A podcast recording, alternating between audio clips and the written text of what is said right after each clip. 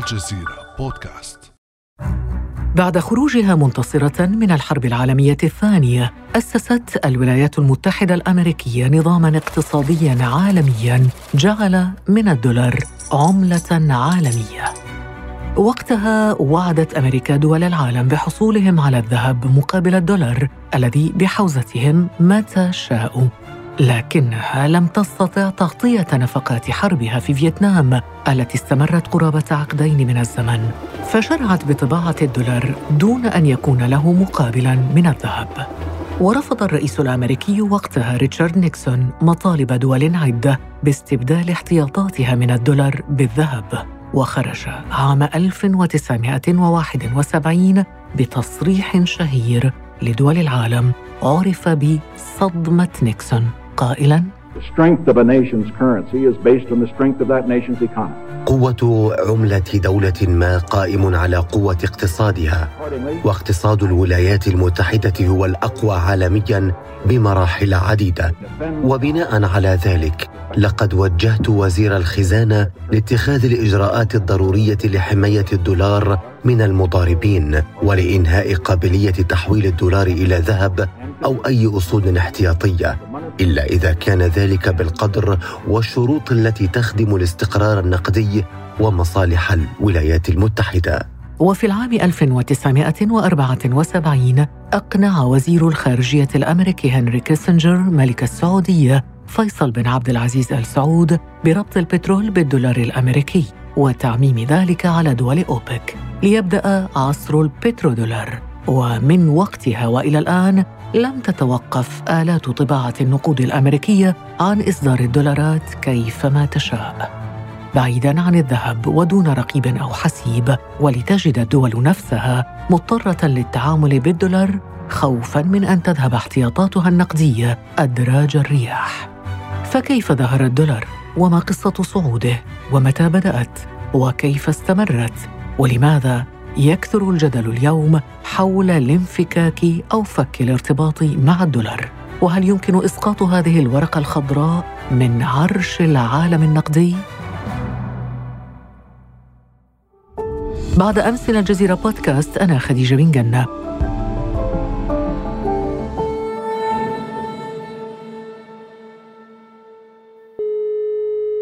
يسعدني أن أستضيف في هذه الحلقة الدكتور كميل الساري أستاذ الاقتصاد والعلاقات الدولية في جامعة السوربون في باريس وصاحب كتاب الاختلالات البنيوية والسياسية النقدية والمالية الدولية الأسباب الحقيقية.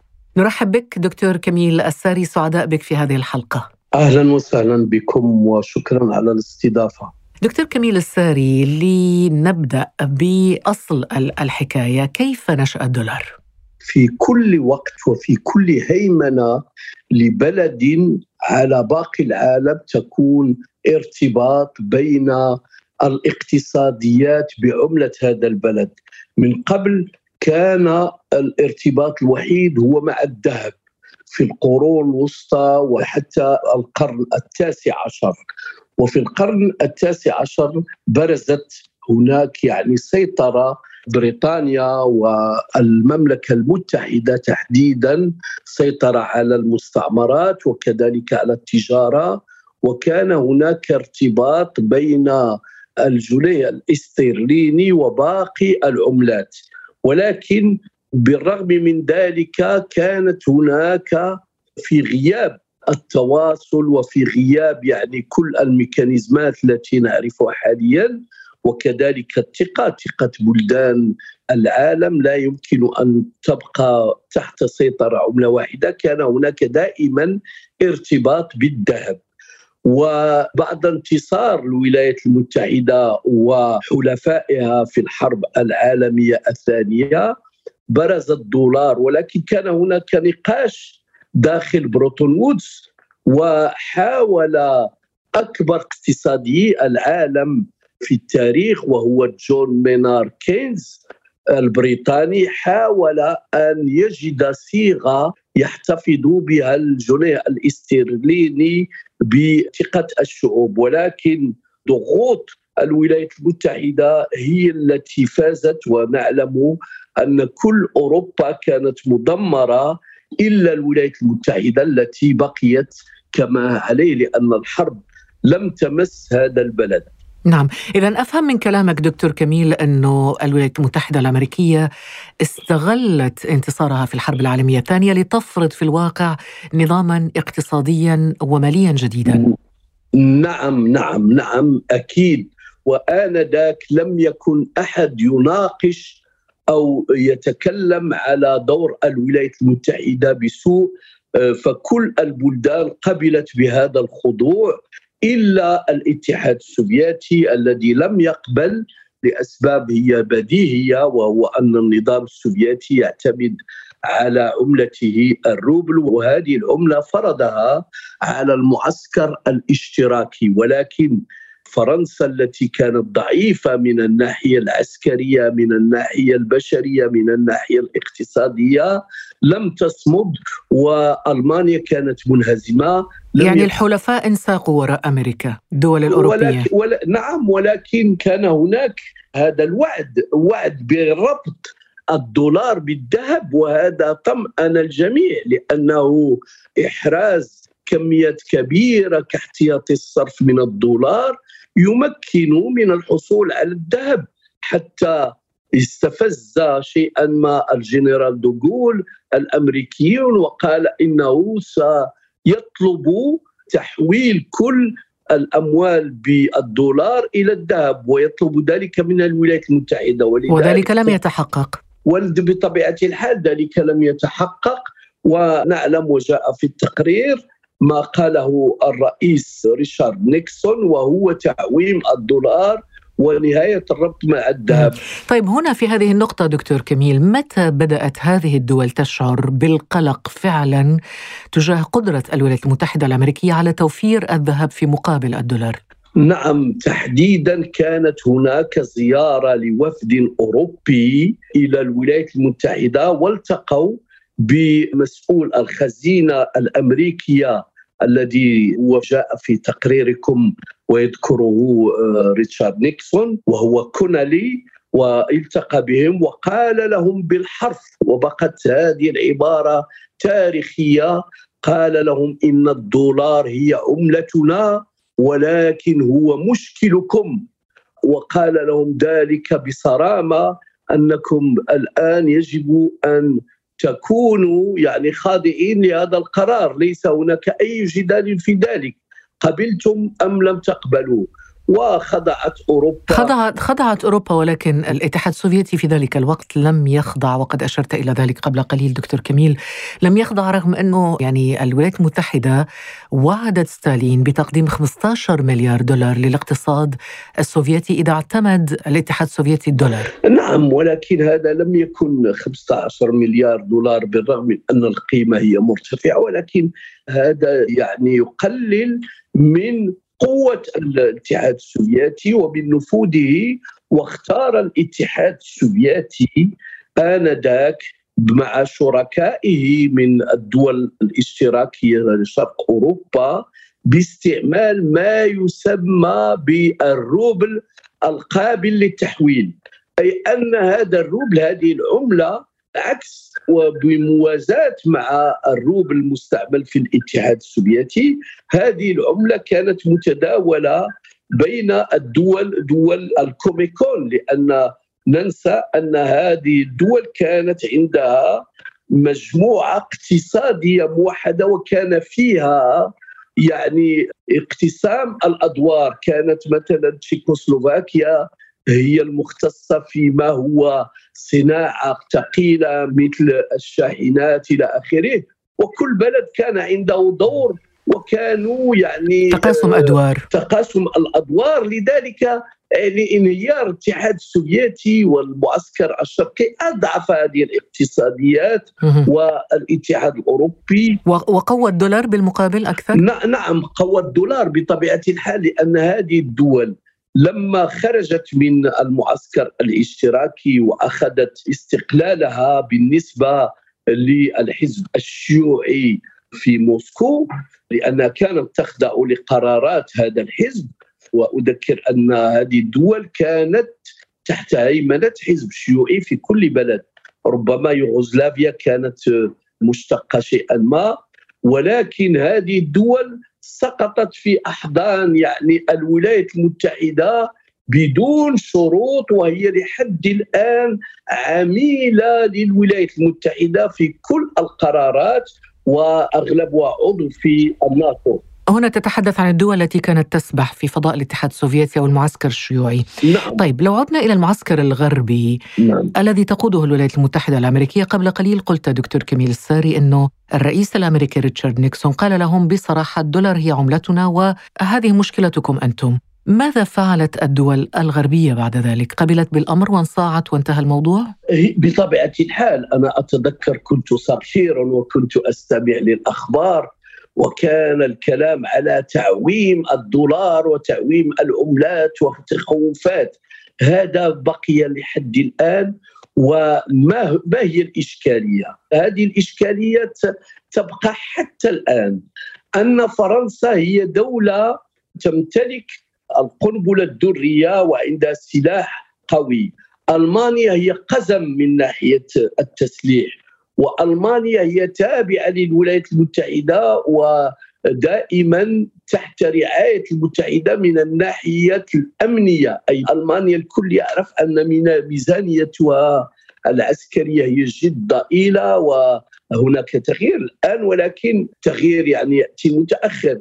فألمانيا انصاعت كذلك وألمانيا كانت عندها طموحات وهذه الطموحات كتبت عليها اطروحه الدكتوراه هذه الطموحات وهو الدوتشمارك أن ألمانيا كانت تقول نحن اقتصاد قوي بارز وسننافس لا ننافس الدولار ولكن سنحمي أنفسنا بهذه العملة القوية وهو الدوتشمارك الخاسر هي فرنسا. فرنسا عانت الأمرين ما بعد 1971 أي ما بعد هذا القرار لأن الفرنك الفرنسي كان دائما عرضة للاضطرابات والمضاربات. وفرنسا آنذاك كانت ترفع نسبة الفائدة لحماية الفرنك الفرنسي. وبالرغم من ذلك الفرنك الفرنسي كان دائما يعني ضعيفا بالنسبة للدوتشمارك. ولذلك خلقت فرنسا ما يسمى بمشاركة ألمانيا ودول أخرى ما يسمى بالتعبان النقدي، التعبان النقدي أن كل العملات الأوروبية تتغير في حدود التعبان يعني صورة التعبان ومن بعد ذلك سمي بالنظام النقدي الأوروبي أن كل عملة تحتفظ بصلاحيتها. ولكن إذا ارتفعت الدوتشمارك بالنسبة للفرنك زائد 2.5% فكل البلدان المشاركة في هذا النظام تدافع الفرنك الفرنسي بما فيها ألمانيا. ولكن بالرغم من ذلك كانت هناك يعني منافسة داخل أوروبا. نعم بين الأوروبيين داخل البيت الأوروبي نفسه. طيب أعدتنا قبل قليل دكتور كميل الساري إلى سنة 1971 عندما قلت فرنسا عانت لأنه الفرنك الفرنسي كان فريسة المضاربات وغير ذلك تحديدا هذا التاريخ يعني بداية السبعينيات كان تاريخ يعني شهد لنقل عز مجد البترول ظهور البترول وهل ساهم البترول في ذلك الوقت باعتباره الذهب الأسود في تقوية الدولار وتعويض نقص قيمته من الذهب الحقيقي؟ هذا مشكل يعني جد جد مهم. نحن نعلم والكل يعلم دور البترول والنفط والغاز والمواد الأولية في المداولات العالمية. لما يعني أقنعت الولايات المتحدة المملكة العربية السعودية بأن كل الفاتورات وكل معاملات والمداولات النفطية يعني تكون تحت رعاية الدولار فهذا هو الذي ساهم وأجبر الجميع لاقتناء الدولار لأن البلدان المصدرة للنفط يعني هي تجني ملايير الدولارات وتخزنها وتودعها في بنوك كبرى عالمية وخصوصا في الولايات المتحدة ويكون احتياطي الصرف لكل هذه البلدان وحتى بلدان أوروبية وغير أوروبية وبلدان يعني بطبيعة الحال المصدرة للنفط كلها تودع أموالها في الدولار. ولحد الآن ولكن هناك تغير مع اليورو وبالرغم من ذلك كل المداولات حتى الوقت الحالي تمر عبر الدولار. واليورو يأتي في المرتبة الثانية؟ آه، اليورو لا يدخل في التداولات تداولات المواد الأولية لأسباب تقنية بسيطة الفهم وهو لما دولة أو توقع عقد استيراد النفط مع دولة مصدرة فإذا اعتمدت على اليورو واليورو يتقلب ويهبط ويطلع فهي تخسر لذلك تقول أنا أتبع يعني نفس المذهب وهو اعتماد الدولار وكل المداولات ومشكل تقني آخر يعني نتحدث عن المواد الأولية نفط غاز وحديد فوسفات يورانيوم كل المواد الأولية لا. نعم. تباع وتشترى بالدولار نعم وتحديدا وتحديدا وهذا هو النقطة الأساسية التي لا يتكلم عليها أحد والقليلون يتكلمون عليها لأنه هو العديد من الأشياء هي طابوهات لأن حتى المفكرين الاقتصاديين الكبار هم ممولين من طرف شركات وبنوك كبرى ولكن أقول الحقيقة ما هي الحقيقة؟ أن كل المداولات حول النفط وكل المواد الأولية هي في Trade of Chicago أي أنها في بورصة شيكاغو التي زرتها شخصيا ورأيت بأم عيني كيف المضاربات هي قوية جدا. هؤلاء الأشخاص الذين هم في هذه البورصة هم يتعاملون مع شركات في العالم. أنا كنت شابا واشتغلت في بورصة المواد الأولية في باريس وكنا نشتري السكر والذهب والنفط بأموال طائلة ليست أموالنا. كنا نستثمرها لصالح اثرياء وهؤلاء الاثرياء لا يعرفون حتى لون الصوجة وكيف هو لا يشترون لعقود آجلة. ما هي العقود الآجلة؟ وهو أنني أشتري اليوم. اليوم أشتري النفط ولكن سأبيعه من هنا إلى ثلاث أشهر. وإذا ارتفع سعر النفط فإنني رابح وإذا انخفض فإنني خاسر. لذلك هؤلاء المضاربين ليس لهم أي علاقة بالعرض والطلب. وباستهلاك الحقيقي. لكن هذا يقودنا حتى لا يكون حديثنا يعني نظريا دكتور كميل. يعني لو أعطيتنا بعض الأرقام عن حجم التعاملات بالدولار اليوم في العالم لأنه هناك واضح أنه هناك تقديرات لصندوق النقد الدولي ولمؤسسات مالية دولية تعطي النسب السنوية لهذا الأمر. هل هناك أي إحصائيات أرقام يمكن أن تسهل علينا الفهم؟ المداولات في الأسواق أسواق المواد الأولية 80% هي من عبر الدولار. يجب أن نعلم أن هناك اقتصاديات ما نسميه باقتصاديات دولارية ديزيكونومي دولاريزي. أي أن هذه البلدان تستعمل الدولار حتى داخل بلدانها مثلا بلدان آسيوية مثل فيتنام مثل إسرائيل في وقت ما. وحتى روسيا مثل دول الخليج أيضا؟ في دول الخليج هي بشكل غير مباشر في دول الخليج لأن لا أحد ينفق بالدولار ولكن هناك بعض المداولات وهي ممنوعة نظريا لأن العملة أي بلد يود أن تكون استعمال العملة. ولكن أنا زرت روسيا في التسعينات وكان يعني سيارة اجره في جميع الأماكن يقول أنا أفضل الدولار أو آنذاك الدوتش مارك وكذلك على الشد في كل دول شرق أوروبا حتى في ألمانيا نعم الشرقية. وحتى في الدول العربية دكتور. يعني لبنان مثلا الآن كل شيء في لبنان حاليا كل شيء يتم بالدولار يباع ويشترى بالدولار. لأن هناك عدم ثقة في العملة الوطنية. في الجزائر مثلا بورسعيد يتداول بالعملات والناس يفضلون الدولار أو اليورو. وفي المغرب هناك كذلك يعني سوق موازية. وهذا موجود في معظم الدول العربية. نعم هناك سوق موازية بالنسبة للسوق الرسميه التي تمر عبر البنوك. طيب كيف نفسر هذه القوة دكتور كميل الساري؟ هذا النفوذ الكبير للدولار كيف بقي الدولار متسيدا على بقية العملات وكيف استخدمته أيضا أمريكا كأداة للابتزاز لقهر الدول والشعوب التي تدور في فلكها وخارج فلكها. يمكن للمستمع وللمشاهد وللقارئ أن يأخذ يعني مثل وهو الخروج الولايات المتحدة من اتفاق نووي مع إيران ماذا عديد من الشركات الأوروبية الكبرى كتوتال كان عندها مشروع في إيران بأربع مليارات وشركات المانيا إلى اخره مع إيران.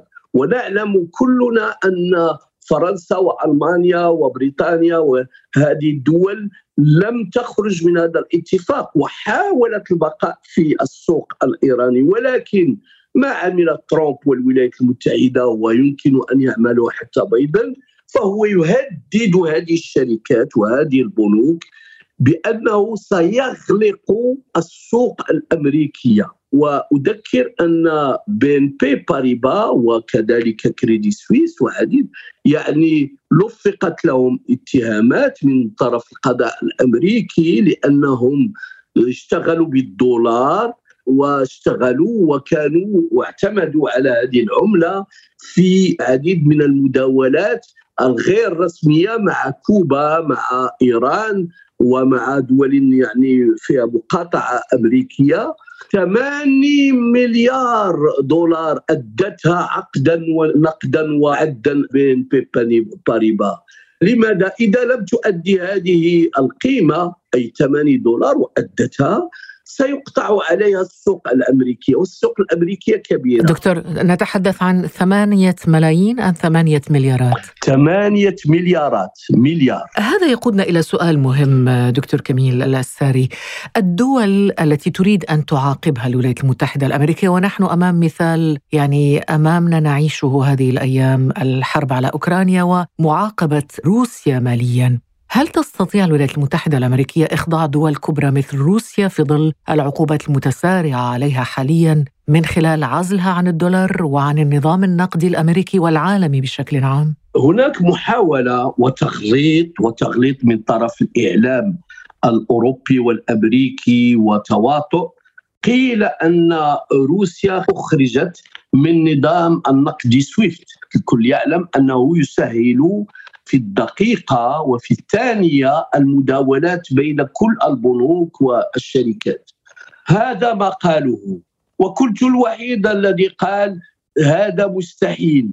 نعم سيفرضون إقساء بنوك روسيا ولكن لن يمسوا المداولات حول تصديرات روسيا للغاز وللنفط والبارحة فقط الإعلام ووزارة المالية الفرنسية اعترفت بأن كل المداولات التي تمر عبر بنوك روسيا وتخص النفط والغاز والقمح هي مقساة من هذا العقاب.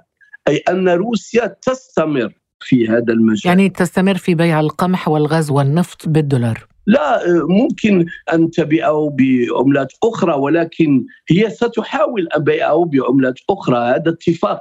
تحديد العملة في الفاتورة هو بين المشتري والبائع أي بين المستورد والمصدر. هذا ممكن ولكن اغلب البنوك والشركات تعتمد على الدولار لأنه لا تعرف كيف سيكون سعر صرف الدولار بالنسبة لليورو؟ طيب لماذا استثنيت إذا آه، هذه المواد المحروقات أو الطاقة البترول والغاز والقمح من العقوبات؟ لسبب بسيط وهو إذا إذا يعني آه، لم تستثنى وإذا انقطع انبوب الغاز والنفط بين روسيا وباقي العالم سنصل إلى 200 دولار البرميل بدون شك وربما أكثر. والأوروبيون يعيشون بردا قارسا بدون تدفئة اذا خوفا من ارتفاع الأسعار ارتفاعا قياسيا. وخوفا من شح المواد الأولية. أنا أقول والله أستغرب أن القنوات الوحيدة التي تعطينا الحقيقة حول ما يجري في هذه الحرب بين روسيا وأوكرانيا هي الجزيرة بدون شك وبدون مجاملة. والإعلام الاقتصادي الفرنسي والعالمي يعطينا الأخبار بدقة لأنه يعطي هذه الأخبار لشركات يجب أن تعرف الحقيقة والشعوب يعطونها يعني أكاذيب إلى آخره. يجب أن نعلم أن والرئيس الفرنسي قالها البارحة قال أنه هذه الحرب ستكون مؤلمة بالنسبة للشعب الفرنسي بحيث سيكون ارتفاع في الأسعار. وهذا الارتفاع نلاحظه الآن. لكن دكتور كميل ماذا بالنسبة لعلاقة الصين بالدولار؟ الصين يجب أن نعلم أن عندها عملة. اليوان هو عملة غير قابلة للتحويل أي أنها لا تخرج عن التراب الصيني. لا عكس ما يمليه صندوق النقد الدولي حتى على الدول العربية يقول لهم يجب أن تكون عملتكم قابلة للتحويل أي أنها تتعرض للمضاربات في الصينيون لا يودون ذلك وهم يتحكمون في عملتهم. أي سعر صرف اليوان هو محدد من طرف السلطات الصينية وكانت حرب العملات. نتذكر هذه الحرب حرب العملات كانت في 2008 مع و... الأزمة المالية العالمية؟ نعم مع الأزمة العالمية أن الصين في بعض الأحيان تستعمل عملتها لتخفيض سعر صرف هذه العملة بالنسبة للدولار لتصدير لما تكون العملة سعر صرف العملة يعني هو أضعف من قبل فيكون البضائع هذا البلد تصبح يعني بخسة الثمن وكذلك بالنسبة للمستثمرين والسواح إلى آخره أن تخفيض سعر الصرف هو دائما في صالح الدولة من ناحية الصادرات. ولكن وهذا ما يحدث الآن مع الروبل ولكن هو يصعد من فاتورة الاستيراد لأن نشتري المواد بالدولار أو باليورو. وهذا معناه أن الصين هي دائما يعني تتحكم في عملتها وعكس الدولار الذي هو كاليورو وكالين ليس الين الياباني. لا يجب أن نخلط بين الين الياباني واليوان الصيني. فهذه العملات ثقيلة الوزن كالجنيه الاسترليني. هم عملات يعني تتداول في الأسواق. نعم ولكنها لا تنافس الدولار في النهاية. لكن برأيك دكتور كميل ساري هل يمكن إسقاط الدولار يعني هل من الممكن التخلص من سيطرة الدولار أو تقليل تأثيره في الساحة الدولية من خلال إجراء المبادلات التجارية الثنائية بالعملات المحلية لكل دولة؟ هناك محاولة حاليا وليست بالجديدة هذا الاتفاق كان هناك اتفاق ضخم بين الصين وروسيا قيل بأنه يشمل 400 مليار دولار ولن يكون بالدولار بل يكون بالروبل وباليوان وتستعمل عملات هذين البلدين. والصين تحاول أن يعني تخرج من هذا منطق الدولار ورفعت إلى 40% من احتياطي الصرف من اليورو. وروسيا فعلت نفس الشيء احتياطي الصرف في داخل صناديق روسيا. هو أقلية 20% ربما من الدولار. ف ولكن لحد أنا في نظري وأعطيت اقتراحات وهذه الاقتراحات ليست بالجديدة. يعني هناك عديد من من اشتغل في تعويض الدولار داخل الساحة العالمية الاقتصادية والتجارية والاستثمارات. فلا يمكن ذلك إلا تدريجيا. اليورو يعني حاول ويحاول أن يكون في محفظه وفي خزينة عديد من الدول ولكن هذا شيء صعب جدا لأن كما قلنا أن كل المداولات المواد الأولية تمر عبر الدولار لأن اسعارها تحدد في الولايات المتحدة. لكن يجب أن يكون هناك يعني اتفاق دول غير الولايات المتحدة مثلا الدول الأوروبية الدول ما يسمى بالبريك آه، والدول المصدرة للنفط. إذا مثلا الدول المصدرة للنفط لنفرض أن أوبك تقول الآن سنستعمل اليورو. هذا ممكن وسيضعف وزن الدولار. المشكل أن الآن الولايات المتحدة ليست بالقوة المهيمنة كما كان عليه الشأن. لنتذكر الستينات والسبعينات الاقتصاد الصيني كان جد يعني هامشي طيب هذا يقودنا للسؤال أيضا حول المنطقة العربية أو العالم العربي ودول الخليج التي ما زالت عملاتها مرتبطة بالدولار، هل يمكن فك ارتباط عملات الدول العربية والخليجية تحديدا فك الارتباط مع الدولار؟ نعم هذا شيء اشتغلت عليه شخصيا وكنت مستاء لما في بحوثاتي أن أقرأ أن بعض الدول كانت تستعمل تقنية بيج. ما هو بيج؟ وهو ربط مباشر بين عملتها والدولار. وهذا خطأ كبير لأن الدولار يرتفع ويهبط حسب تقلبات السوق وحسب السياسة النقدية والمالية للولايات المتحدة. وهذه الدول كانت تعاني من ارتفاع الأسعار لما يهبط الدولار فهي تشتري المواد المواد الأوروبية مثلا باليورو تشتريها بأضعاف وبنسبة كبيرة ويكون تضخم. لذلك فمن الأحسن أن تستعمل آليات أخرى غير الدولار. والربط العملة هو كذلك كان يعني من المواضيع التي اشتغلت عليها والتي هي معروفة حتى عند اقتصاديين كبيرين في الولايات المتحدة الذين تكلموا على هذه التقنية وهي تقنية خاطئة وكانت كارثيه لكل الدول التي ربطت الدولار بعملتها الوطنية في أمريكا اللاتينية مثلا. ولذلك يجب التنويع يجب التنويع لا لأسباب فقط سياسية ولكن لأسباب تقنية ولمصالح البلدان العربية. لماذا الولايات المتحدة تود أن تسيطر عسكريا على كل العالم؟ لأنها تعرف أن يمكنها إجبار الدول بربط عملاتها بالدولار أو باستعمال الدولار. المسألتين هي مرتبطتين يعني ترامب حاول إخراج الولايات المتحدة من الساحة الدولية حتى من أوروبا وتهكم على الناطو ولكن كان على حساب نفوذ الولايات المتحدة ولكن الولايات المتحدة هي في تقهقر بالنسبة لمداولاتها العالمية ولوزنها في الاقتصاد العالمي لأن هناك قوة صاعده وهي الصين والصين ستصبح لا محالة القوة الأولى. الآن هي القوة الثانية من ناحية الناتج الإجمالي المحلي. فيجب على الدول والدول العربية خصوصا أن لا تضع كل بيضها في نفس السلة. أن تعتمد سياسة التنويع النقدي. نعم سياسة التنويع النقدي. أنا كنت اقترحت عملة مشتركة عالمية أن هذه العملة هناك خبراء كمندس فرانس إلى آخره الذين كانوا وزير أول كانوا يقولون هذه العملة المشتركة تعتمد على المواد الأولية ولكن أنا ربطتها بين الناتج الإجمالي المحلي العالمي ووزن كل بلد وهناك بديل من الممكن أن يكون بديل للدولار ولأن هذا سيبقى دائما ستبقى الدول تحت سيطرة بلد واحد.